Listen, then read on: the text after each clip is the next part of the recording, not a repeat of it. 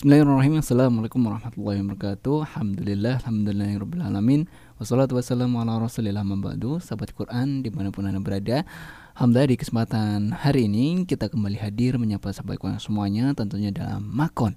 Majelis tanya jawab seputar hukum-hukum keislaman Bersama narasumber kita Yaitu Syekh Abdul Qadir Abdul Yang mana pada kesempatan hari ini sudah sudah berada di studio Untuk melanjutkan materi kita Yaitu berkaitan tentang Bagaimana sih hukum menjual barang dengan bayar seikhlasnya. Apakah itu termasuk horor atau tidak kayak gitu ya.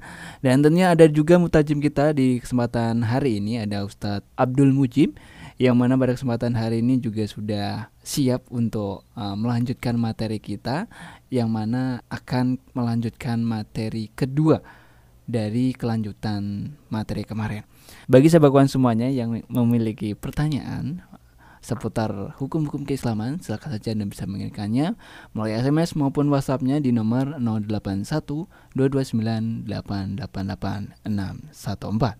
Dan langsung saja kita persilakan kepada Syekh Qadir dan juga Ustaz Mujib untuk memulai materinya. Tafadhol. Bismillahirrahmanirrahim. Assalamualaikum warahmatullahi wabarakatuh.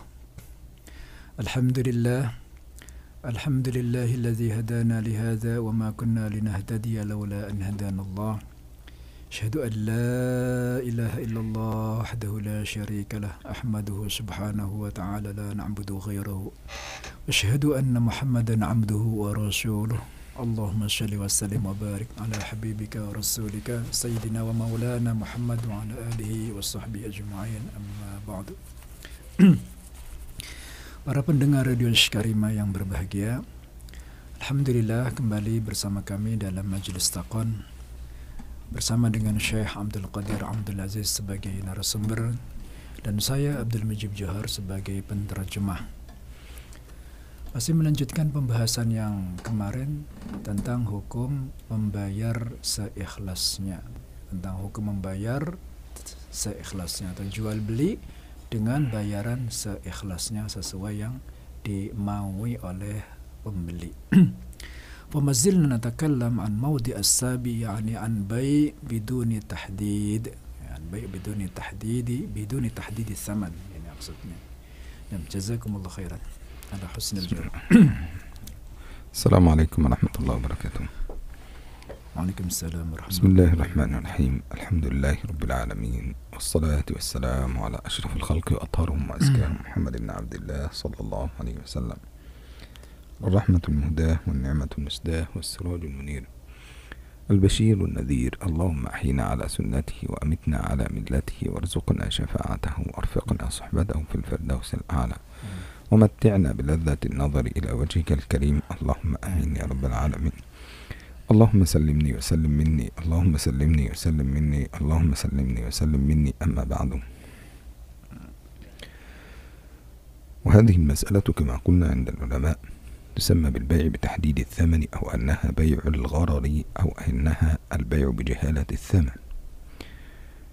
وقلنا أن هناك أربع صور لهذه الحالة. الحالة الأولى أن يبيع بدون تحديد الثمن لكن أن يكون هذا الرجل غنيا. يعني أن يكون غنيا ويخرج هذا على سبيل الصدقة فإنه يبيع الأشياء أو يعني تكون وسيلة لإيصال الصدقة إلى الفقير لكن بطريقة مهذبة لا تجرح مشاعر الفقير. وفي هذه الحالة يقيم معرضا كبيرا كما قلنا أو يقيم شيئا كبيرا أو بعض المشتريات ويبيعها للفقراء لكن بثمن أقل من ثمنها وبثمن بسيط جدا حتى يستطيع أو بدون أن يحدد ثمن فما يدفعه الفقير يأخذه ويكون ثمنها وهذا إرضاء للفقير وإدخالا للسرور على قلبه. وقلنا بجواز هذه الحالة عند الفقهاء الأربعة بل وزاد على ذلك مذهبا آخر وهو مذهب الإباضية من الشيعة حيث قالوا بأنهم آه، بجواز هذا الأمر أيضا. لأن هذا من باب التعاون على البر والتقوى وليس من باب التعاون على الإثم والعدوان كما جاء الله كما جاء في قول الله سبحانه وتعالى وتعاونوا على البر والتقوى ولا تعاونوا على الإثم والعدوان. Ya, kita kemarin sudah membahas tentang jual beli seperti ini yang dinamakan istilahnya oleh yang dikenal oleh para ulama sebagai bay'ul gharar atau bay' bijahalatis saman ya. Bay'ul gharar atau bay' bijahalatis saman atau bay' biduni tahdidis saman. Bay'ul gharar atau bay' apa jual beli transaksi jual beli yang ada unsur samar-samarnya atau bijahalatis saman atau dengan unsur harga yang tidak diketahui atau tahdi biduni tahdidis saman tanpa uh, penentuan harga tanpa penentuan harga. Dan kita kemarin juga telah membahas menyampaikan bahwasannya jual beli transaksi jual beli seperti ini ada empatnya ada empat kriteria ada empat macam seperti ini.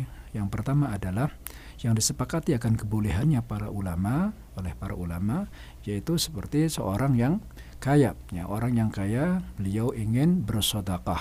Kemudian caranya dengan apa? Caranya yaitu dengan membuka bazar membuka pasar ya dengan harga yang di bawah harga di bawah harga standar ya jauh di bawah harga standar atau sesuai dengan apa yang dikehendaki oleh para pembeli yang termayang uh, dari kalangan para fukara dan orang-orang yang orang-orang yang miskin.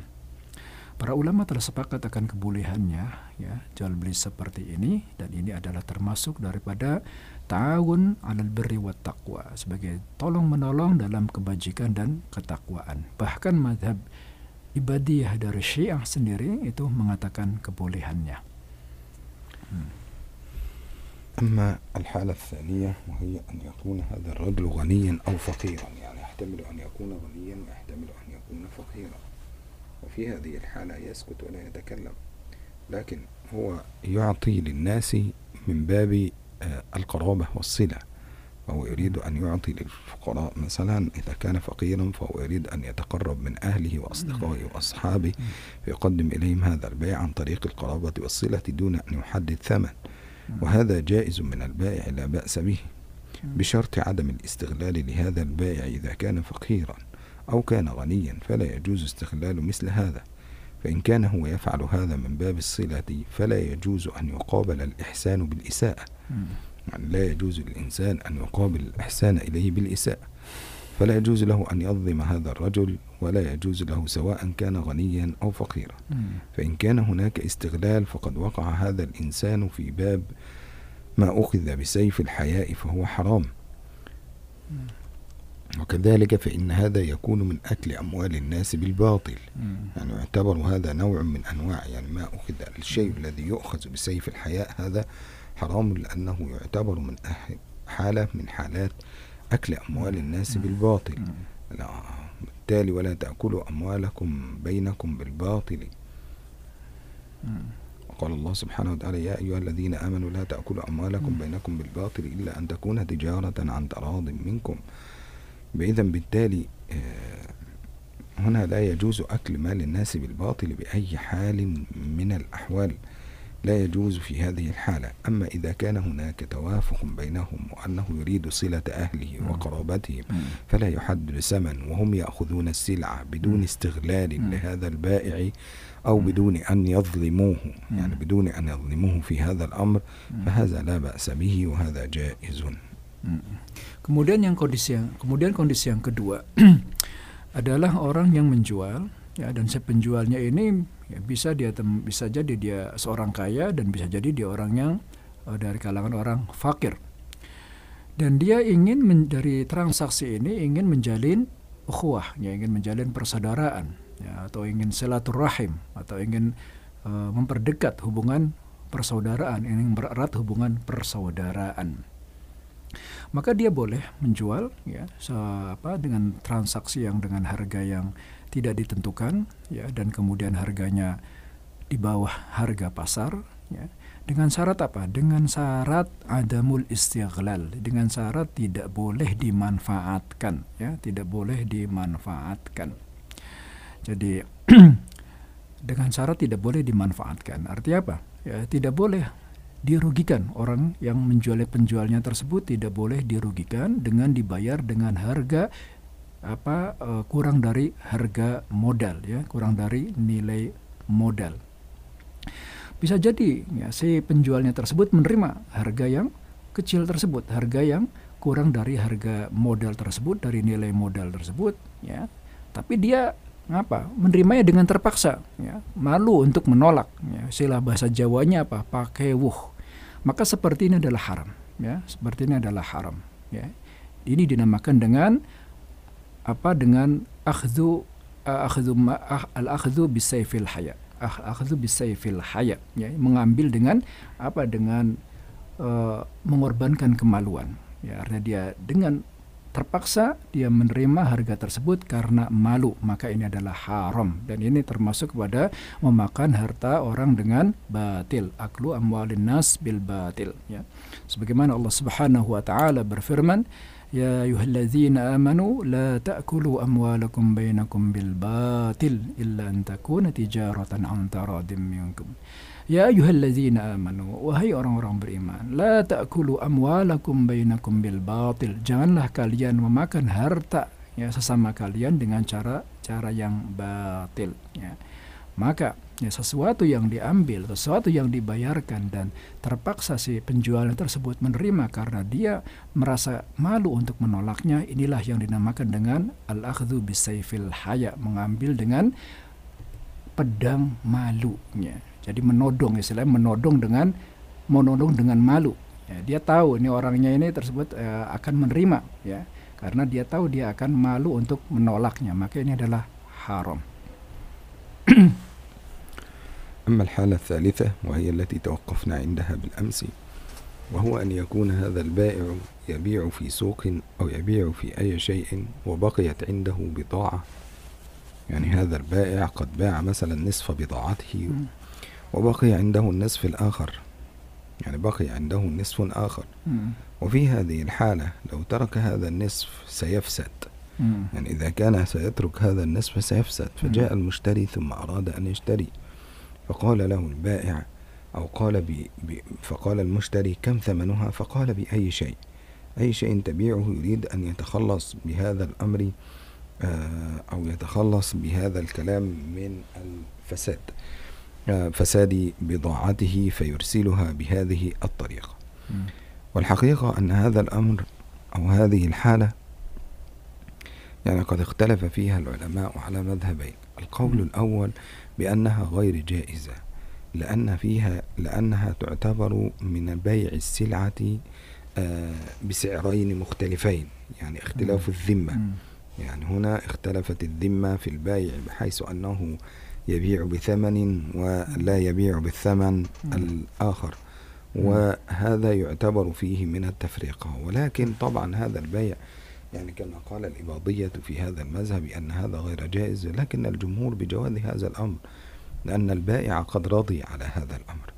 يعني البائع قد رضي ومن شروط البيع والشراء يعني من شروط البيع والشراء أن يكون هناك تراض بين البائع والمشتري.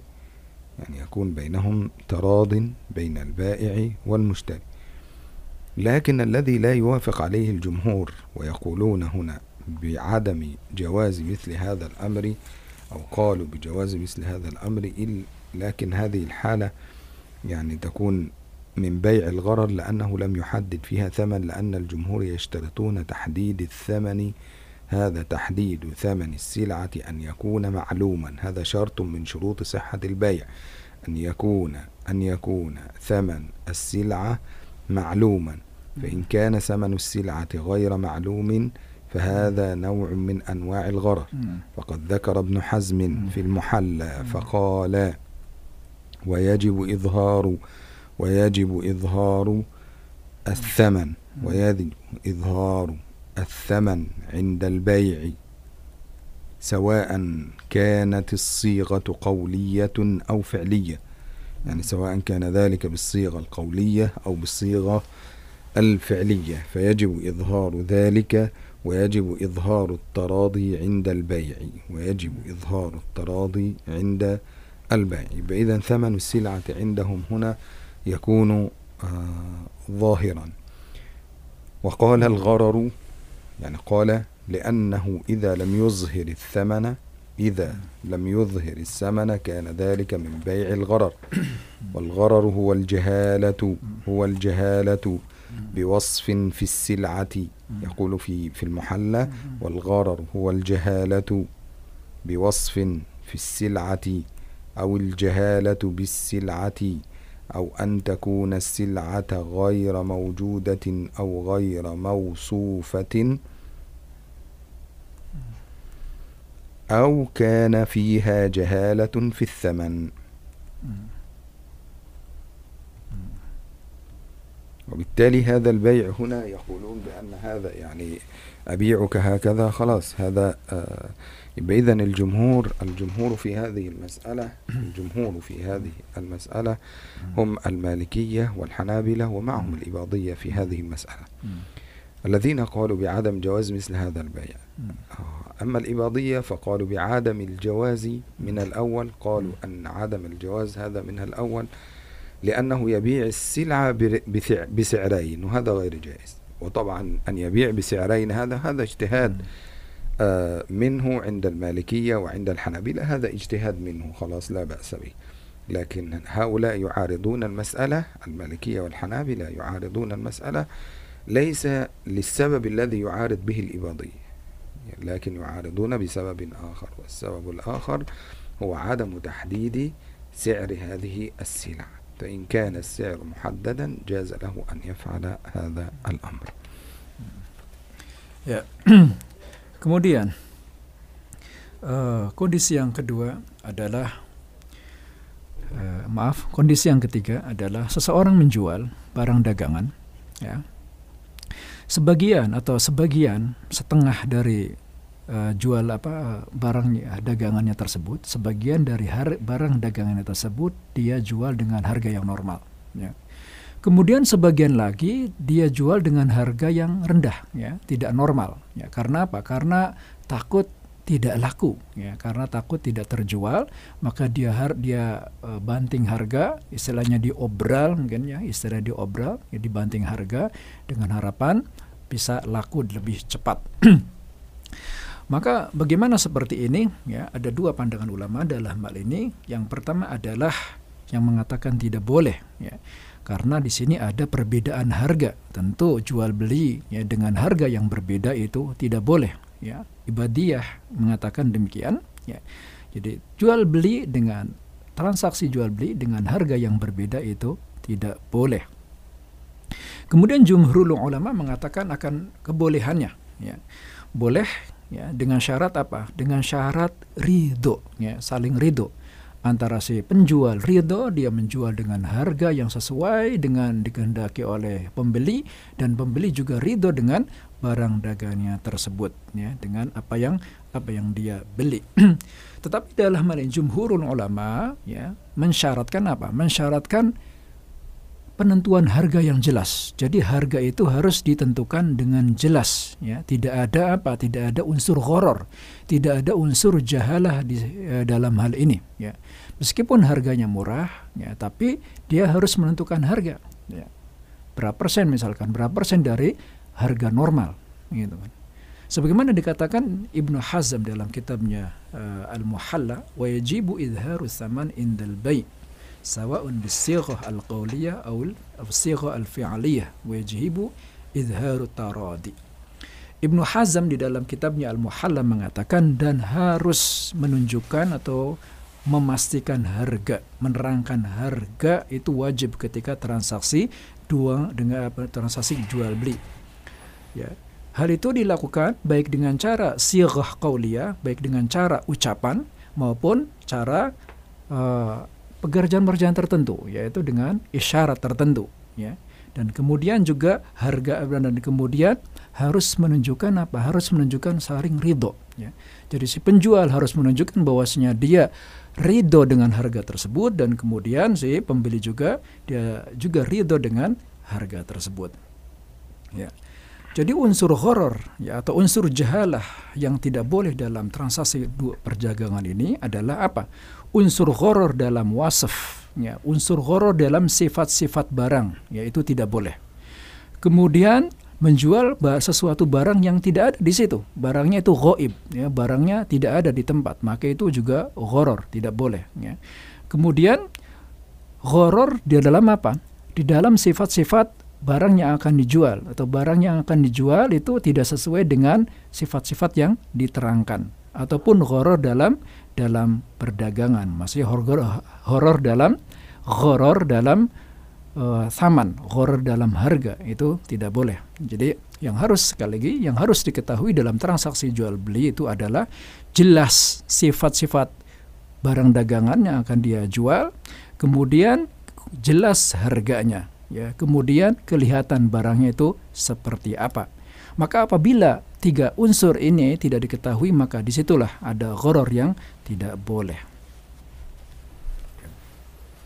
أما المذهب الثاني هو مذهب الحنفية والشافعية وقالوا بجواز مثل هذه الحالة وقالوا هنا أن الصيغة عندهم إما أن تكون قولية أو فعلية فالصيغة القولية هي أن يقول أبيعك هي أن يقول المشتري أبيعك هذا الشيء بسعر كذا.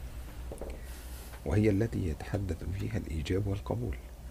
فيقول بعتك كذا ويقول المشتري اشتريت بكذا. خلاص انتهى الأمر. بتحددت هكذا وهذه تسمى بالصيغة القولية. أما الصيغة الفعلية فلا يشترط فيها عند الشافعية والحنفية أن يكون فيها آه إظهار للتراضي. يعني ما معنى هذا الكلام؟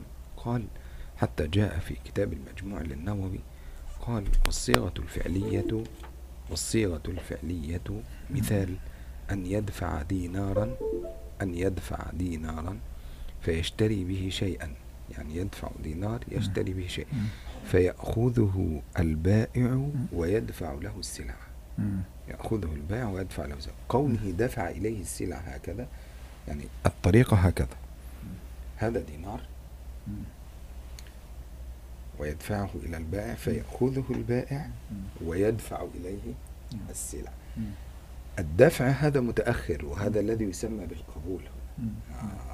هذا إيجاب تقديم السلع هكذا. يبقى أن يكون معه دينار فيدفعه إلى البائع فيأخذه البائع ويدفع إليه السلع. فحينما يدفع إليه السلع إذا كان البائع لا يرضى من البداية يعني إذا كان البائع لا يرضى أنت دفعت إلي أنا دفعت إليك مثلا الدينار هذا. طيب السلعة ما زالت في يدك. السلعة هنا ما زالت في يدك هكذا. لو أنت لم تقبل هل ستدفع إلي السلعة؟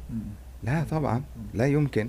لكن قالوا إذا قبل معناه أنه حينما يدفع السلعة معناه أن هذا قبول خلاص انتهى. لكن إذا كان لا يقبل سيقول لا هذا ما زال ثمن السلعة لم يأتي. أو يضع سلعته ويرد الدينار مرة ثانية. هكذا.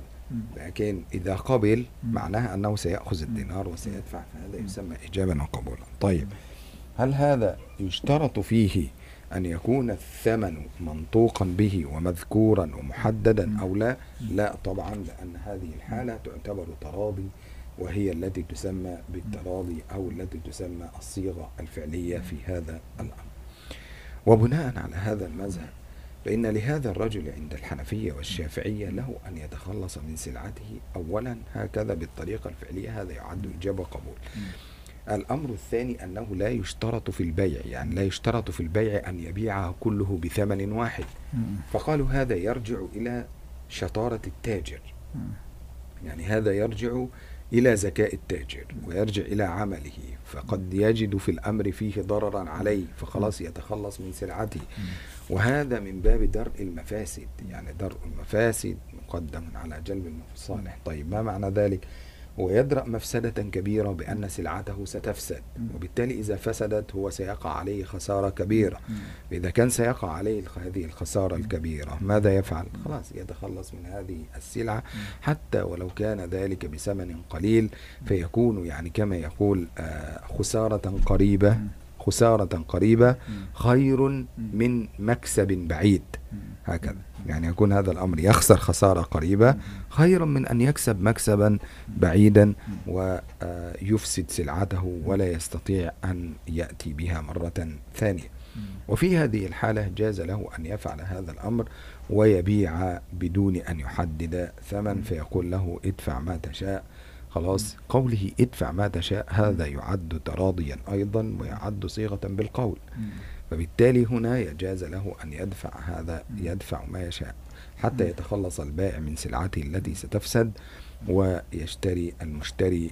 وغالبا ما يحدث هذا في السوق في آخر اليوم يعني تجد في آخر اليوم عنده بضاعة وهو يريد أن يرجع إلى بيته. وبضاعته ستفسد.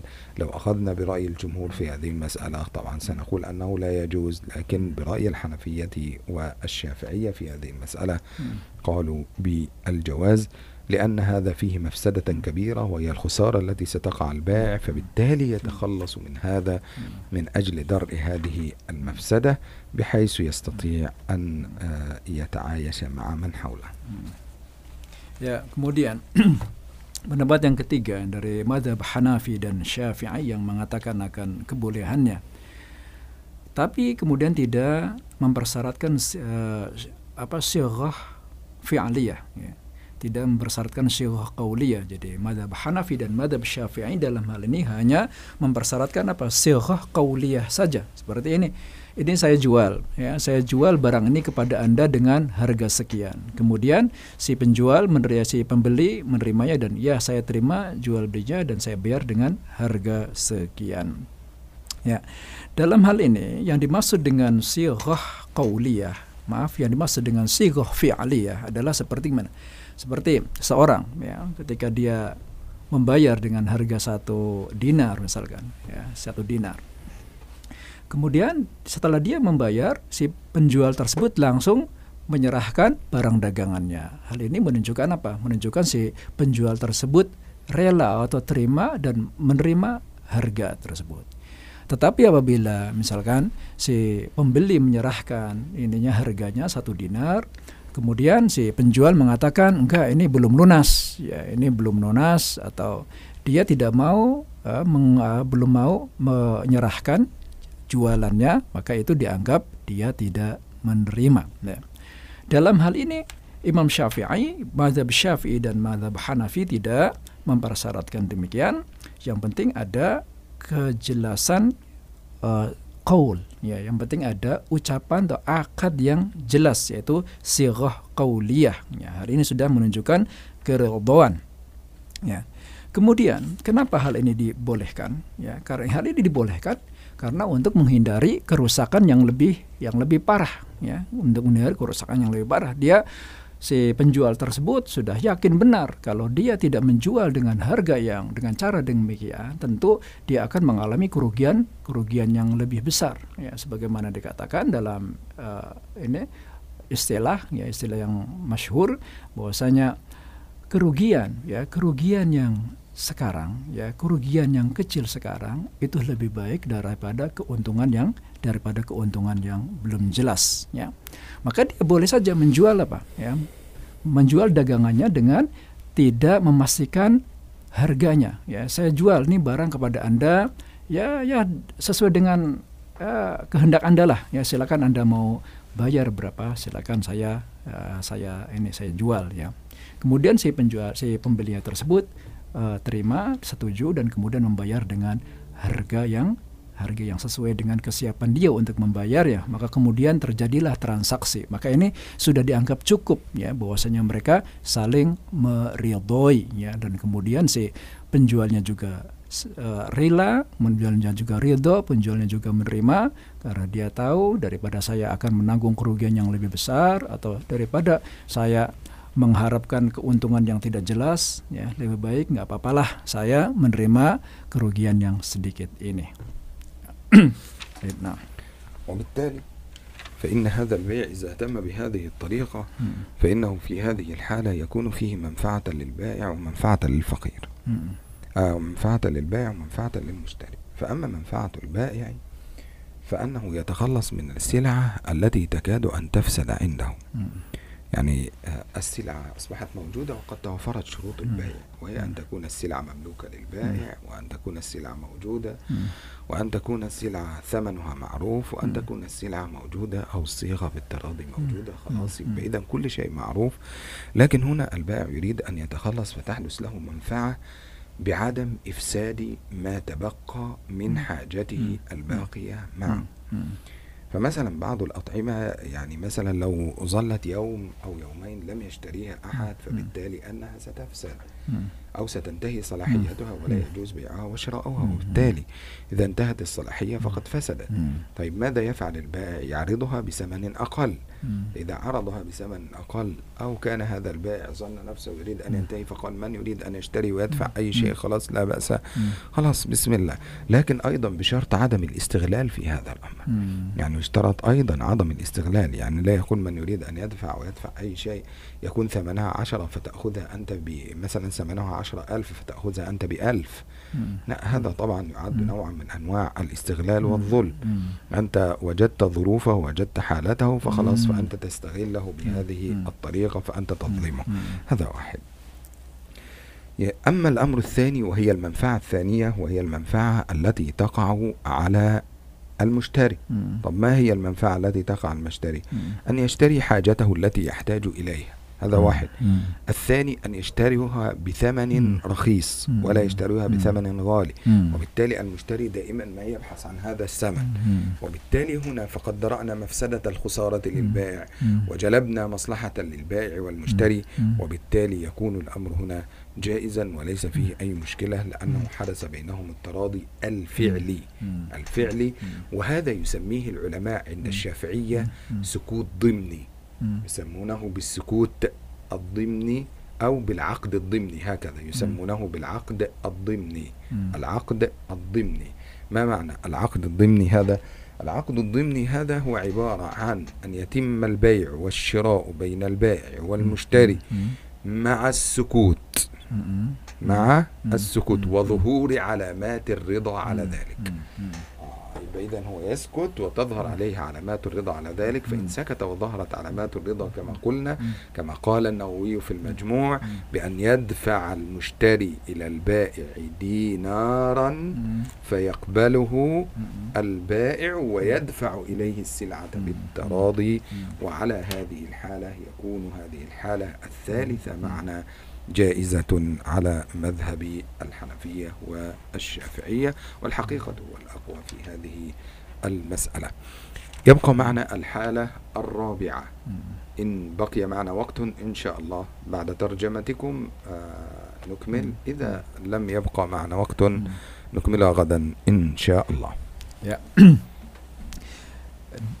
Jual beli dengan cara demikian ini ada unsur manfaatnya, ada unsur manfaat bagi penjual dan bagi pembeli. Istilahnya apa? Simbolis mutualisme ya. Jadi saling memberikan manfaat. Bagi penjual tentu ya dia akan menghindar bisa menghindari diri dari kerugian yang lebih besar ya. Misalkan mana barang yang akan dia jual ini sudah dekat masa kadaluarsanya. Ya, kalau segera tidak laku, maka dikhawatirkan akan segera kadaluarsa. Ya, atau dia ingin segeralah ingin melepaskan barang dagangannya ya. Ingin segera melepaskan barang dagangannya, dia sudah mendapatkan keuntungan mungkin dari sebagian. Kemudian sisanya dia sudah ingin menjual eh, sudah ingin melepaskan saja sudahlah ya terserah ya di uh, laku berapa saya akan menerima harganya. Ini manfaat bagi manfaat bagi penjual yaitu dia bisa menghindari dari kerugian yang kerugian yang lebih besar. Dan kemudian uh, bagi pembeli ya bagi pembeli dia tentu akan mendapatkan keperluannya akan mendapatkan hajatnya dengan harga yang murah. Tetapi syaratnya di sini lagi itu adalah apa? Adamul istighlal tidak boleh ada unsur pemanfaatan. Jadi si pembeli ini tahu ini, tahu situasi, ya tahu kondisi, ya tahu kondisi apa sih penjual tersebut. Kemudian dia manfaatkannya. Dia manfaatkan dengan apa? Dengan cara membeli dengan harga yang jauh, jauh sekali di bawah harga yang standar, ya. Kemudian merugikan, merugikan si penjual. Maka inilah yang tidak boleh. Karena dia adalah ya karena ini ada unsur kezaliman di situ, ya. Ada unsur kezaliman di situ. Maka apabila transaksi ya, terjadi seperti ini, transaksi seperti ini, yaitu si penjual melepaskan barang dagangannya, ya, kemudian si pembeli membeli dengan harga yang sesuai dengan uh, apa kesiapan dia untuk membayarnya, kemudian ada keriduan, ada ada keriduan di situ, ya, ada keriduan di situ, maka jual beli seperti ini adalah sahnya. Inilah yang dinamakan dengan suku dimni atau akdu dimni, ya Sekutu dimni atau akdu dimni ini gimana maksudnya? Ya, yaitu kesepakatan, keriduan yang tidak dinyatakan secara tegas, tidak dinyatakan secara tegas, secara eksplisit. Ya, ketika si pembeli menyerahkan uang, ya, kemudian si penjual menerima uangnya, kemudian dia langsung ya, menyerahkan barang dagangannya, menandakan setuju, maka ini menunjukkan adalah apa? Menunjukkan adanya saling keriduan antara penjual dan pembeli. Demikianlah yang dikatakan oleh Imam Nawawi dalam kitabnya Al-Majmu. Ya. Jadi ada unsur apa? tarodi, ada saling keriduan di situ antara penjual dan pembeli meskipun tidak dinyatakan secara tegas, meskipun tidak dinyatakan secara eksplisit, tapi dengan isyarat-isyarat, dengan aktivitas juga transaksi yang diketahui ya bisa diketahui bisa difahami bahwasanya penjual dan pembeli saling sama-sama saling meridhoi ya. ya. Para pendengar dari sekalian yang berbahagia, Insya Allah masih kita lanjutkan lagi pembahasan tentang jual beli dengan harga yang uh, masih belum jelas ini. Ya, insya Allah pada pembahasan yang berikutnya, mudah-mudahan kita masih diberikan kesempatan untuk kembali berjumpa dalam sesi majelis takun yang berikutnya. Jazakumullah khairan atas perhatiannya. Assalamualaikum warahmatullahi wabarakatuh. Waalaikumsalam warahmatullahi wabarakatuh. Syukran jazakumullah khair kepada Ustadz Mujib yang pada kesempatan hari ini sudah memberikan penjelasannya tentang materi kita tentang hukum menjual barang dengan membayar seikhlasnya. Namun seperti yang Anda ketahui sebagai semuanya bahwasanya materi kita belum selesai. Jadi buat sahabat semuanya yang ingin mendengarkan untuk menyimak kelanjutan pembahasan kita seperti apa, tetap stay tune di 99.9 FM Radio Sekarima Sahabat Anda Belajar Al-Quran. Dan tentunya bagi sahabat kawan semua yang memiliki pertanyaan tentang berkaitan dengan hukum-hukum keislaman, silakan saja Anda bisa mengirimkannya dan insya Allah nanti kita akan bahas di kesempatan yang akan datang yaitu ke nomor 081229888614 dan akhirnya saya Andi Ramadan pamit undur diri dari ruang dengar sahabat semuanya. Terima kasih atas kebersamaannya. Alhamdulillahirrahmanirrahim Subhanakallahumma wa bihamdika. Asyhadu an la ilaha illa anta astaghfiruka wa atubu Wassalamualaikum warahmatullahi wabarakatuh.